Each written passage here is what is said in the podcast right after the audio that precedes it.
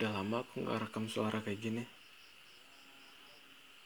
Ya yang paling aku risihin sih ketika Pak Jokowi memberikan statement benci produk asing. Maksudnya kayak gimana coba? Kalau orang yang berpikiran seperti itu itu subjektif banget. Oh maunya yang dari golonganku golonganku golonganku. Iya bener baik. Bisa menghidupkan golonganmu juga. Terlebih lagi masa-masa pandemi gitu kan. Kan mungkin poin yang diambil da dari situ ya kan. Tapi kan gini kalau kita berpikir objektif dan ya pola pikir yang paling sehat tuh menurutku objektif kalau subjektif ya mentingin kelompoknya sendiri aja. Tapi kan belum tentu mentingin kelompok sendiri itu menguntungkan kita juga gitu loh. Misalnya langsung aja lah kayak produk kayunya yang dari perusahaan Pak Jokowi gitu. Apa namanya tuh uh, apa ya nama? Usahanya Pak Jokowi itu yang mebelnya itu lupa lagi. Ah Rakabu Rap, Rakabumi. Rakabumi ya kayaknya. Kalau nggak salah pokoknya itu pokoknya diambil dari nama Gibran Rakabumi gitu. Pokoknya tuh ya raka-raka apa gitu. Nah misalnya aku ngebeli kusen atau apa pun itu yang berbentuk mebel. Ada dua pilihan. Produk A punya Pak Jokowi orang Indonesia atau produk B milik orang luar negeri. Nah masalahnya aku pengen punya keuntungan paling maksimal untuk diriku. Mana yang kualitasnya lebih baik, lebih bagus, lebih sempurna, itu yang akan kupilih. Seandainya produk luar negeri itu lebih baik, aku bakal pilih produk luar negeri.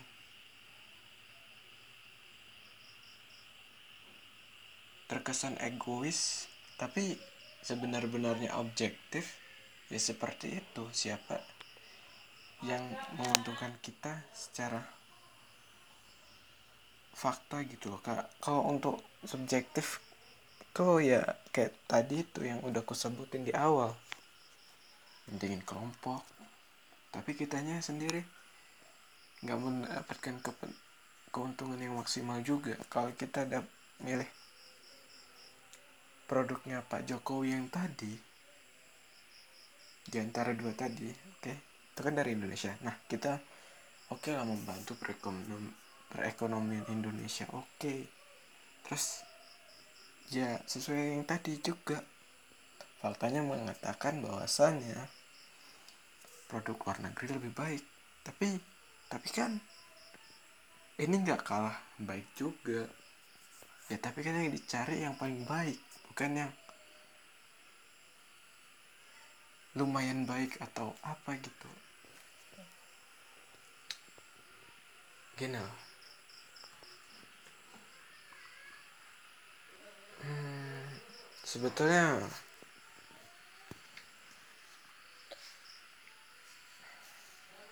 kalau membenci tuh nggak bisa soalnya setiap perangkat yang kita gunakan itu produk asing kan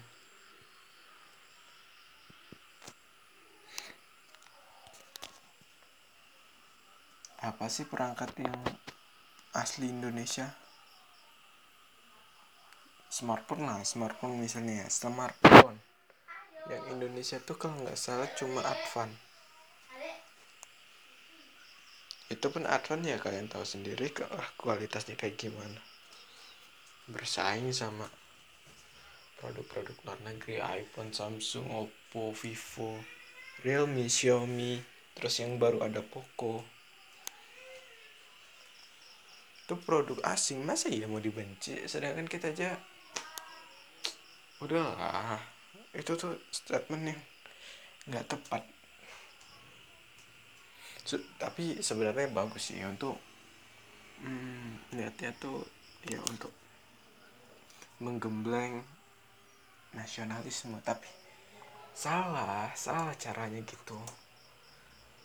Ya aku ya aja lah kalau kita tuh negara berkembang aku ya aja lah kalau kita tuh masih banyak bukan banyak lagi hampir semuanya menggunakan produk asing terutama teknologi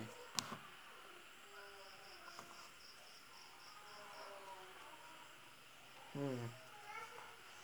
mungkin kalau diralat jadi kalimatnya seperti ini seandainya kita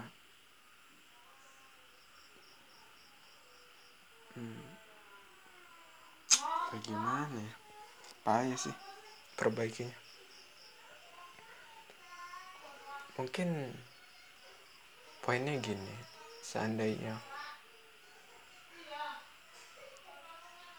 Ya kalau benci tuh nggak pantas.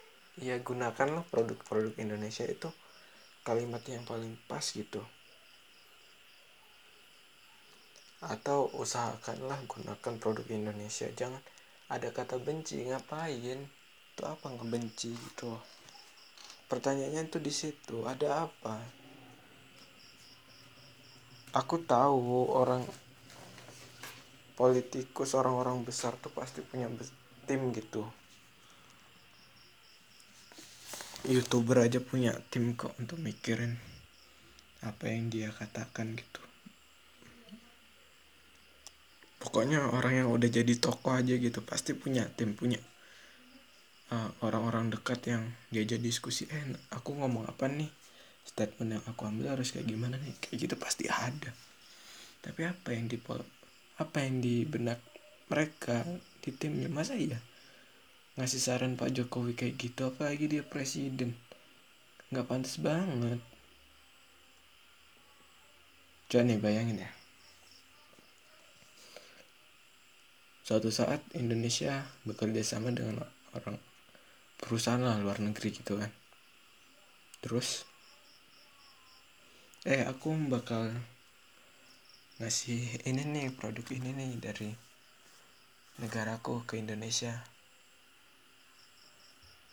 Oh iya nggak jadilah kan kata presiden kalian kayak gini bencilah produk asing nggak jadi.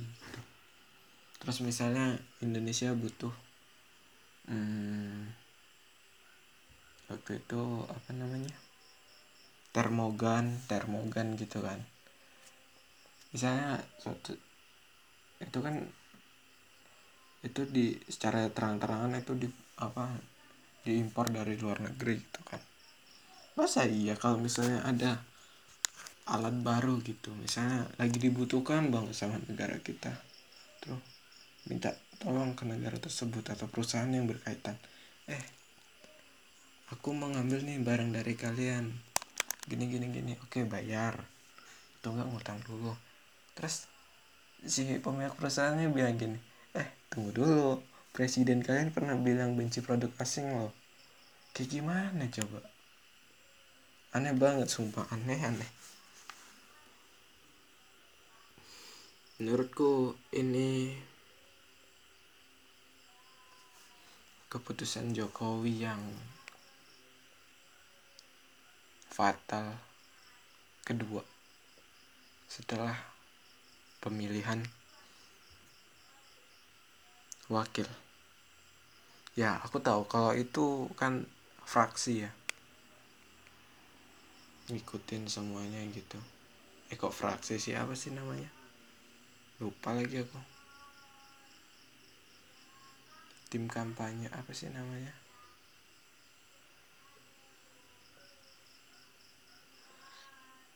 Kabinet oh ya kabinet. Eh bukan kabinet apa sih namanya? Yang masa-masa kabinet Indonesia Maju. Iya kan kabinet. Pokoknya tim-tim yang mengusung itulah pasangan capres cawapres nah itu itu mereka kan diskusi oke dapat nih. Kiai Haji Ma'ruf Amin sebagai calon yang paling kuat. Soalnya militannya kayak ya di desa-desa kan banyak yang NU NU nya kuat gitu. Jadi eh ini nih ada toko NU ayo dukung. Kan gitu. Tapi kan kalau dipikir-pikir lagi itu tuh cuma ketakutan aja ketakutan untuk menghadapi orang-orang FPI yang mendukung Prabowo beserta Abdul Somad di belakangnya juga. Ya. Sebetulnya oke okay lah oke okay, strategi sih. Aku tahu itu terkonsep kenapa mikirnya gitu. Tapi kalau misalnya hmm, kemarin itu Pak Jokowi nyalon. Aku sih belum nemu nama yang pas gitu untuk jadi wakil ya. Kalau Erick Thohir kan nggak mungkin. Erick Thohir aja baru jadi tim kampanye tuh di masa kemarin ini 2019 baru ikutan kampanye gitu. Sebelum-sebelumnya dia kayak profesional aja gitu nggak pernah nyemplung atau bersentuhan bersinggungan dengan politik. Baru kemarin ini. Sri Mulyani mungkin kuat tapi Sri Mulyani kan kayak uh, masih bisa diandalkan di apa namanya di kementeriannya gitu. Susi Puji Astuti juga bagus sih.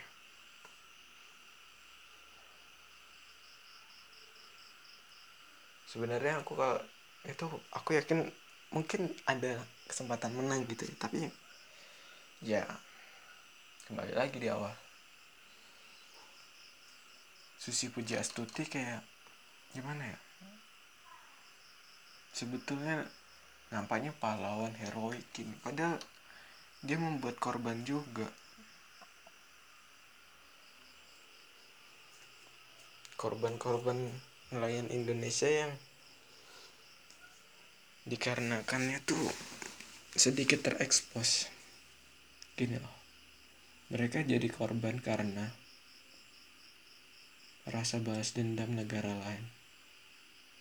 Atau mungkin memang nelayannya tersebut yang gimana ya kayak mungkin melewati perbatasan atau gimana nggak tahu kan Hmm. Oh ya satu lagi nih. Sebenarnya yang dipermasalahkan terus itu uh, pencurian ikan pencurian ikan itu rata-rata di zona ekonomi eksklusif ZEE e, Z. Itu tuh kayak uh, waktu perjanjian kayak gitu tuh ada pokoknya tuh. Itu udah udah tapi kayak ini beneran nggak sih? Ini beneran nggak sih? Ukuran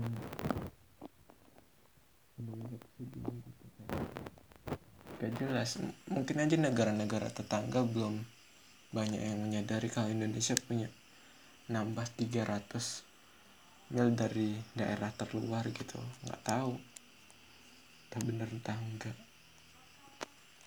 Lagi pula nggak ada patokannya juga. Kan laut bukan tanah. Kalau tanah dikasih patok ya jelas. Kalau laut kan enggak. Gimana sih? Hmm.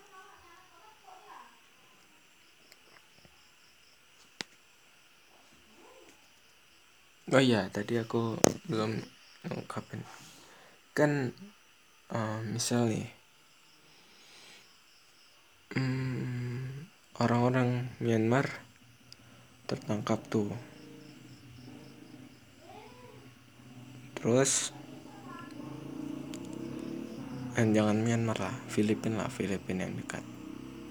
Atau Malaysia. Nah gini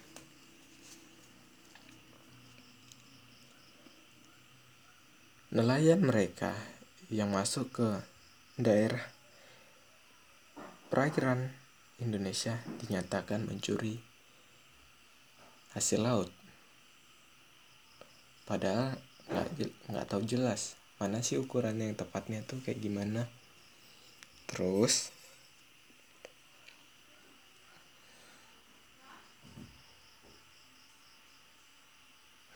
hukumannya adalah dipenjara dan mungkin disiksa uh, oh iya aku tahu juga tuh kalau sebenarnya ada penjara khusus untuk pencuri ikan nelayan-nelayan luar negeri itu di di pesisir-pesisir laut tuh ada banyak.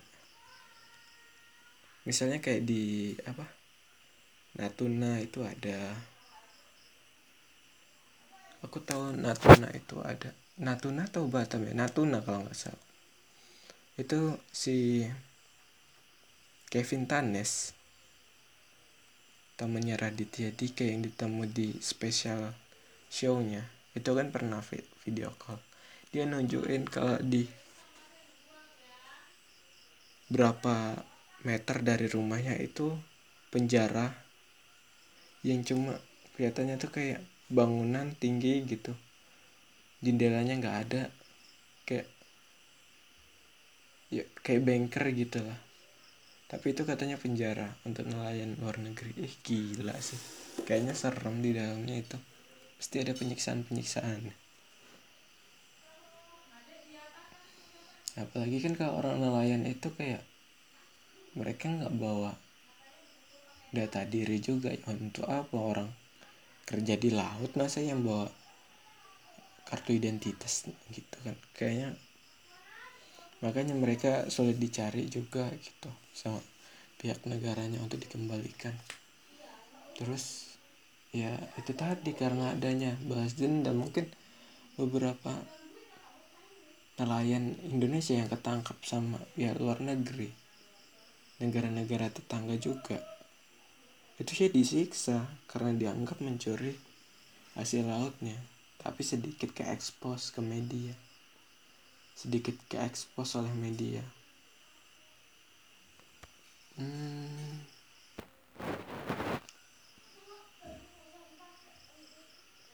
nah itulah salah satu penyebab Susi Pujiastuti itu nggak dijadikan menteri kelautan dan perikanan lagi sama Pak Jokowi. Dan mungkin karena koalisi nah koalisi nah koalisi itu yang uh, mencalonkan presiden tuh kan. Sama wakilnya siapa? Tentuin.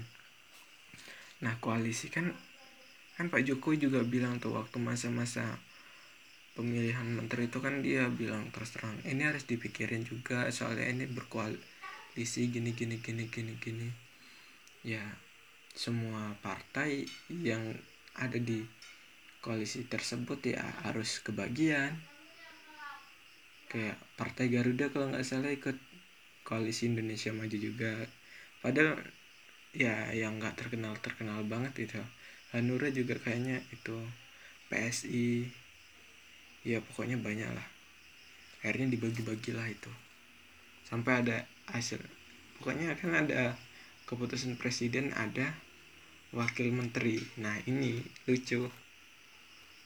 Biar sebenarnya keputusan ini penting nggak penting loh. Nambah-nambahin jabatan. Otomatis ya banyak yang kebagian juga ya kan? PSI aja yang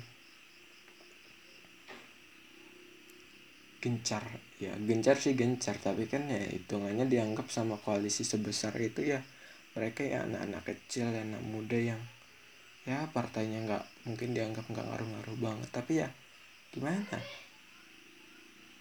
Mereka cuma dapat wakil menteri. Wakil menteri apa gitu? Satu. Terus sama staf kepresidenan. Nah staf kepresidenan ini pun keputusan presiden juga di tahun 2019 itu kan berbarengan kalau nggak salah. Ya nambah-nambah jabatan aja. Padahal kita nggak tahu jelas fungsinya apa. Ya oke lah membantu membantu. Tapi kan fasilitas yang mereka dapatkan kan juga gede. Ya gimana ya? Terlalu baik atau koalisinya yang memang ngedorong Jokowi. Ya mungkin anggaplah memang baik tujuannya tapi kan ya ya udah apa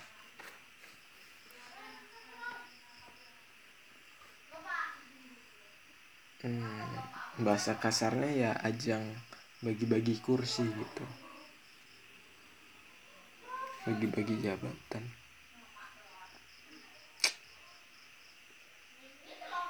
Lagi pula waktu udah apa bukan udah sih waktu pemilih apa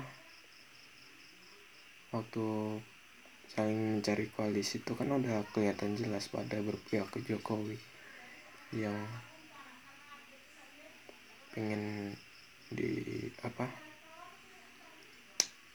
seberangnya tuh PKS, PAN, Gerindra. PAN sama Gerindra ya karena pengen punya jabatan presiden gitu loh. Gila. Kan gila sih kayak memang kayaknya hampir nggak pernah PAN sama PDIP itu. Satu koalisi kayaknya ya. Akhirnya kan gabung juga PAN. Karena PAN masuk koalisi Indonesia Maju Amin Rais terdepak bikin partai baru memang Amin Rais kaya banget bikin partai dua kali bang sangat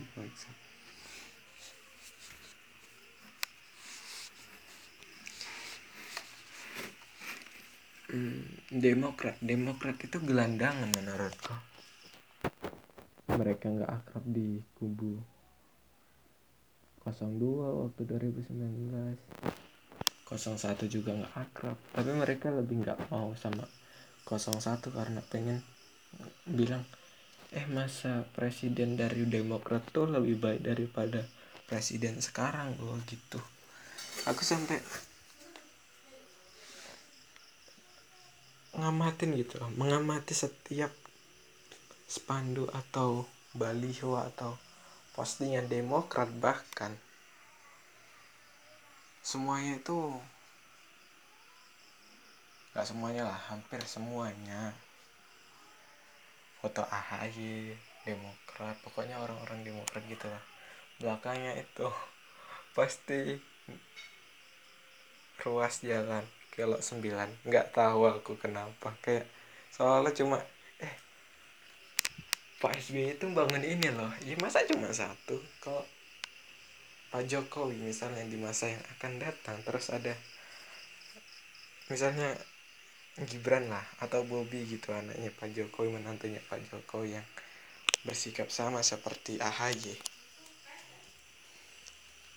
mereka setiap belusukan ke daerah spanduknya tuh beda-beda gitu loh belakangnya latar belakangnya. Eh ini nih hasil dari jabatan bapakku loh mertuaku loh kayak gini kayak gini. Lah ahaye cuma kalau sembilan itu terus terusan ya oh sedih sedih. Cuma itu yang bisa dibanggakan. Hambalang ketahuan gak jelas. Oh ya Bu Sri Mulyani juga mau ngebedah semua harta kekayaan keluarga Soeharto gila. Taman safari. Eh taman safari. Taman mini Indonesia Indah. Mau digeledah. Itu uang uangnya tuh. Itu kan kalau perusahaan-perusahaan kayak gitu berapa persen dikelola? Swasta di berapa persen dikelola negara gitu? Kepemilikannya. Nah yang kebanyakan swastanya itu milik Prabowo eh Prabowo milik Soeharto dan anehnya lagi kok bisa? Ya karena masa jabatan Prabowo lama banget dan dibuktikan juga oleh Bu Sri Mulyani. Kalau sebenarnya di masa Pak Soeharto nggak ada pembukuan nggak dicatat gitu. Nggak ada yang nyatet tentang eh negara kita bikin gini gini gini nggak ada aku tinggal di daerah transmigrasi ya. Mungkin daerah ini juga nggak nggak dibukukan juga nggak dicatat apa apa yang dikeluarin gitu. Ya nggak tahu. Oh iya aku juga punya kon satu konspirasi yang kayaknya lucu untuk dibedah. Kan keluarga aku ini pertamanya kedua orang tua tuh lahir di di Jawa gitu kan. Terus ke Lampung. Bertemunya tuh di Lampung tuh nikahnya di Lampung. Baru ke Riau. Mungkin ada gitu ya. Orang kepercayaan Soeharto untuk disuruh untuk eh transmigrasiin ini dong orang Jawa ke Riau. Soalnya kan banyak lahan kosong di sana. Nah oke okay lah. Berangkat nah mungkin beberapa kloter memang beneran dari Jawa ke Riau. Sumatera Tengah lah dulu sebutannya kan. Terus Sumatera Sumatera Tengah atau Riau nggak tahu. Kayaknya Sumatera Tengah waktu udah transmigrasi baru jadi Riau. Atau kayaknya udah jadi Riau lah mungkin kayaknya ya. Tahun 8 berapa sih? PTPN 5 aja tuh ada tuh landmarknya kayak tulisan BUMN tahun berapa gitu? Pokoknya 80-an kayaknya udah jadi Riau nah ada berapa kloter yang dari Lampung ke Riau? Itu untuk apa? Itu kan sebutannya bukan transmigrasi cuma migrasi cuma perpindahan penduduk bukan antar pulau. Kalau antar pulau transmigrasi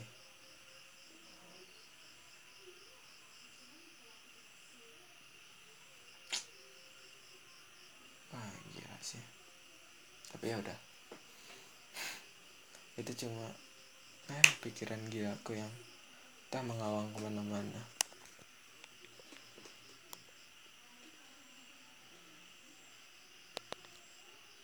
Tapi ya itu tadi.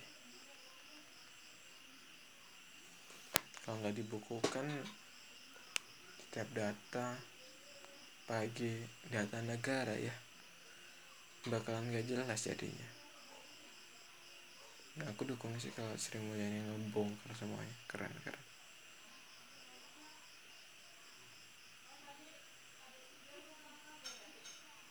Hmm, apalagi yang mau dibahas ya? Tadi Jokowi ya kelihatan pengecut dia.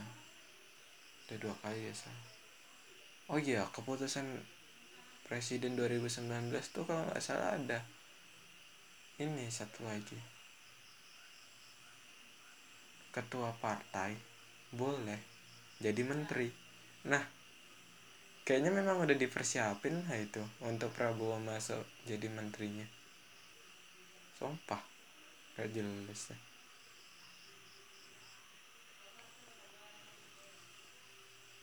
hmm. oh ya bahas satu lagi nih PSI aku suka banget sama PSI soalnya dari 2014 pun aku udah lihat iklan layanan masyarakatnya gitu kayak iklan pertamanya mereka. Buat kamu yang benci politik gini gini gini gini. Politik identik dengan politisi yang licik. Gitu gitu. Wih keren kata-katanya. Itu uh, iklannya tuh gambar yang ditulis pakai uh, spidol gitu. Tapi itu ya itu editan sih ya aslinya gambar-gambar gitu. Kayak ada aplikasinya cuma efek tangannya kayak gambar gitu.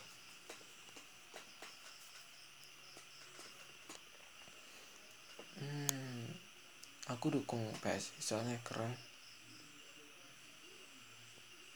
Keren dalam artian visi misinya tuh bagus baru kayak anak muda banget kayak menolak poligami ya. Oke okay, it's okay. Tapi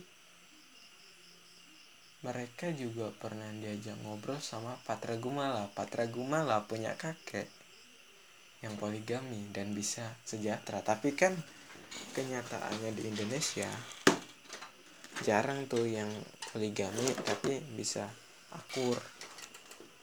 Makanya PSI mau menolak nah sama Patra diajak ngobrol lah orang partai PSI ini. Ya gimana? Tapi kan di jawabnya gini. Kan kebanyakan di Indonesia kayak gitu. Banyak yang nggak jelasnya. Poligami poligami. Memang nafsu pengen selingkuh aja pengen memang bosan sama istri yang sekarang aja kayak susah banget bilangnya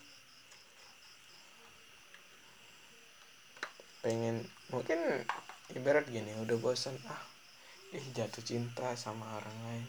Tapi nggak pengen ngelepasin gitu nggak pengen cerai nggak pengen nah, keluarganya rusak. Ya jadi poligami gitu lah kebanyakan gitu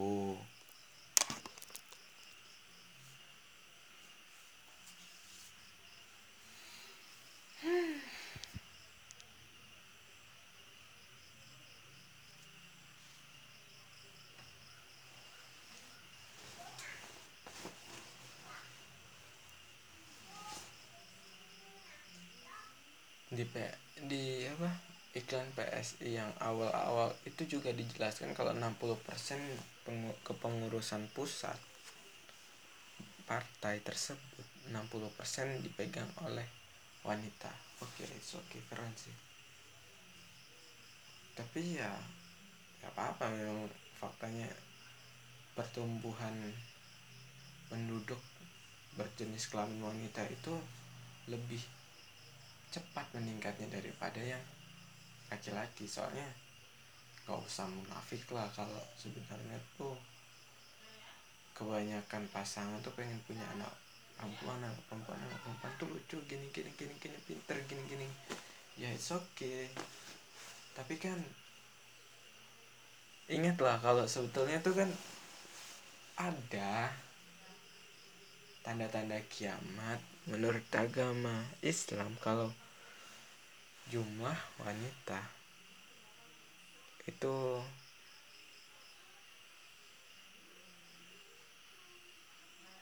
sama jumlah wanita sama laki-laki.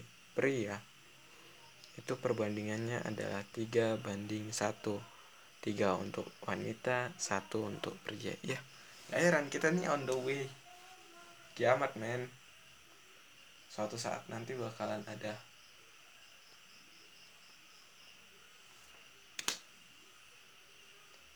si cuma wanita yang membludak gitu.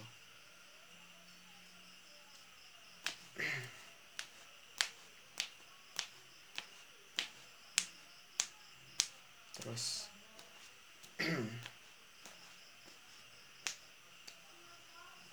kemungkinan kebanyakan negara itu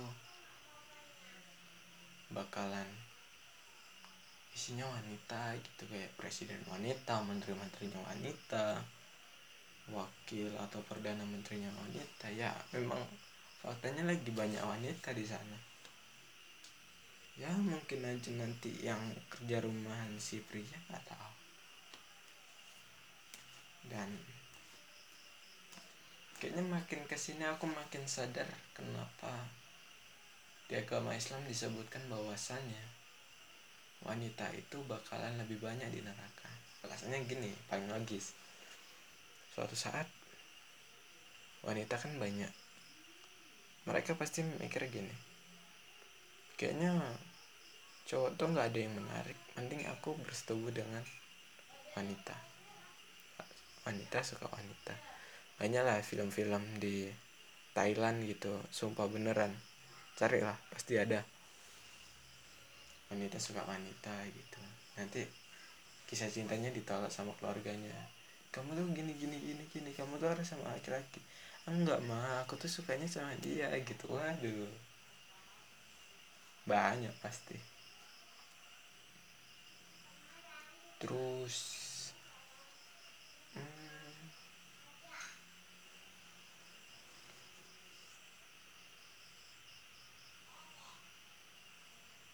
ada jokes dari Rian Adriandi kalau misalnya ini jokes tahun 2011 ya. Suci satu. Dia nyebutin gini. Seandainya presiden-presiden di seluruh dunia itu wanita maka yang terjadi adalah pergosipan. Gini gini gini gini. Ya mungkin aku bakalan bawain pembahasan yang hampir serupa tapi ya jokesnya yang agak beda gitu lah. Mungkin lebih detail.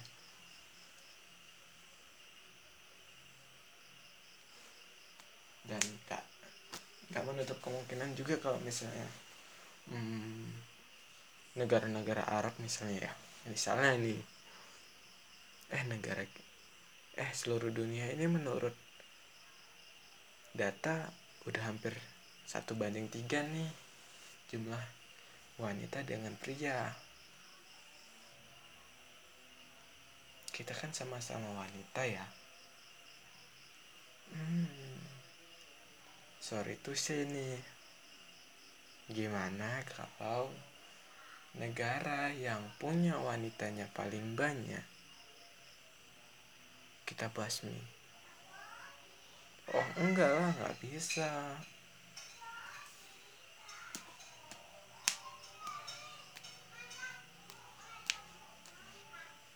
Kan negara kami tuh bagus-bagus. Para para pemikir juga banyak loh profesor-profesor di sini. Oh udahlah yang nggak berguna berguna nggak berguna nggak berguna aja. Kayak budak jangan dong kalau budak mah. Nggak bisa kita manfaatin nantinya. Kan kita harus memanfaatin orang juga. Orang-orang lemah kayak gitu ya kita manfaatin untuk kerja-kerja kasar. Timbullah perdebatan.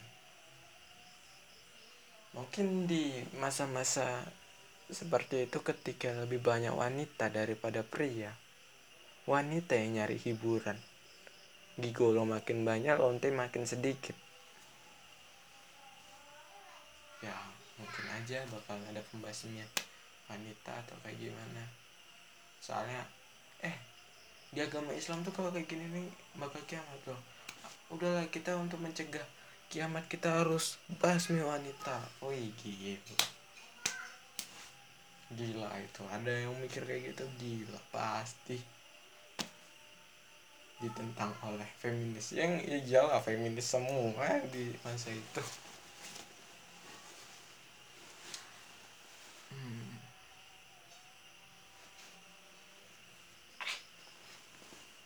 ya itu aja apa pikir gila aku hari ini. Benernya udah dari lama sih tapi makin lama makin sempurna aja aku rasa. Nanti bakalan ada kalau aku mungkin udah belajar stand up dan stand up ku stand up akan ku buat spesialnya tentang ya segalanya itu bakalan ku bahas dan mungkin ku masukin ke YouTube. Biar orang mikir kayak oh iya ya bener. Dan semoga aja ada yang ngajain aku kayak aja ngobrol gitu. Dan pola pikir gila aku terus berkembang dan menyebar ke seluruh dunia. Jadiin film keren banget sumpah. Yes terima kasih udah menonton. Menonton mendengarkan. Sampai jumpa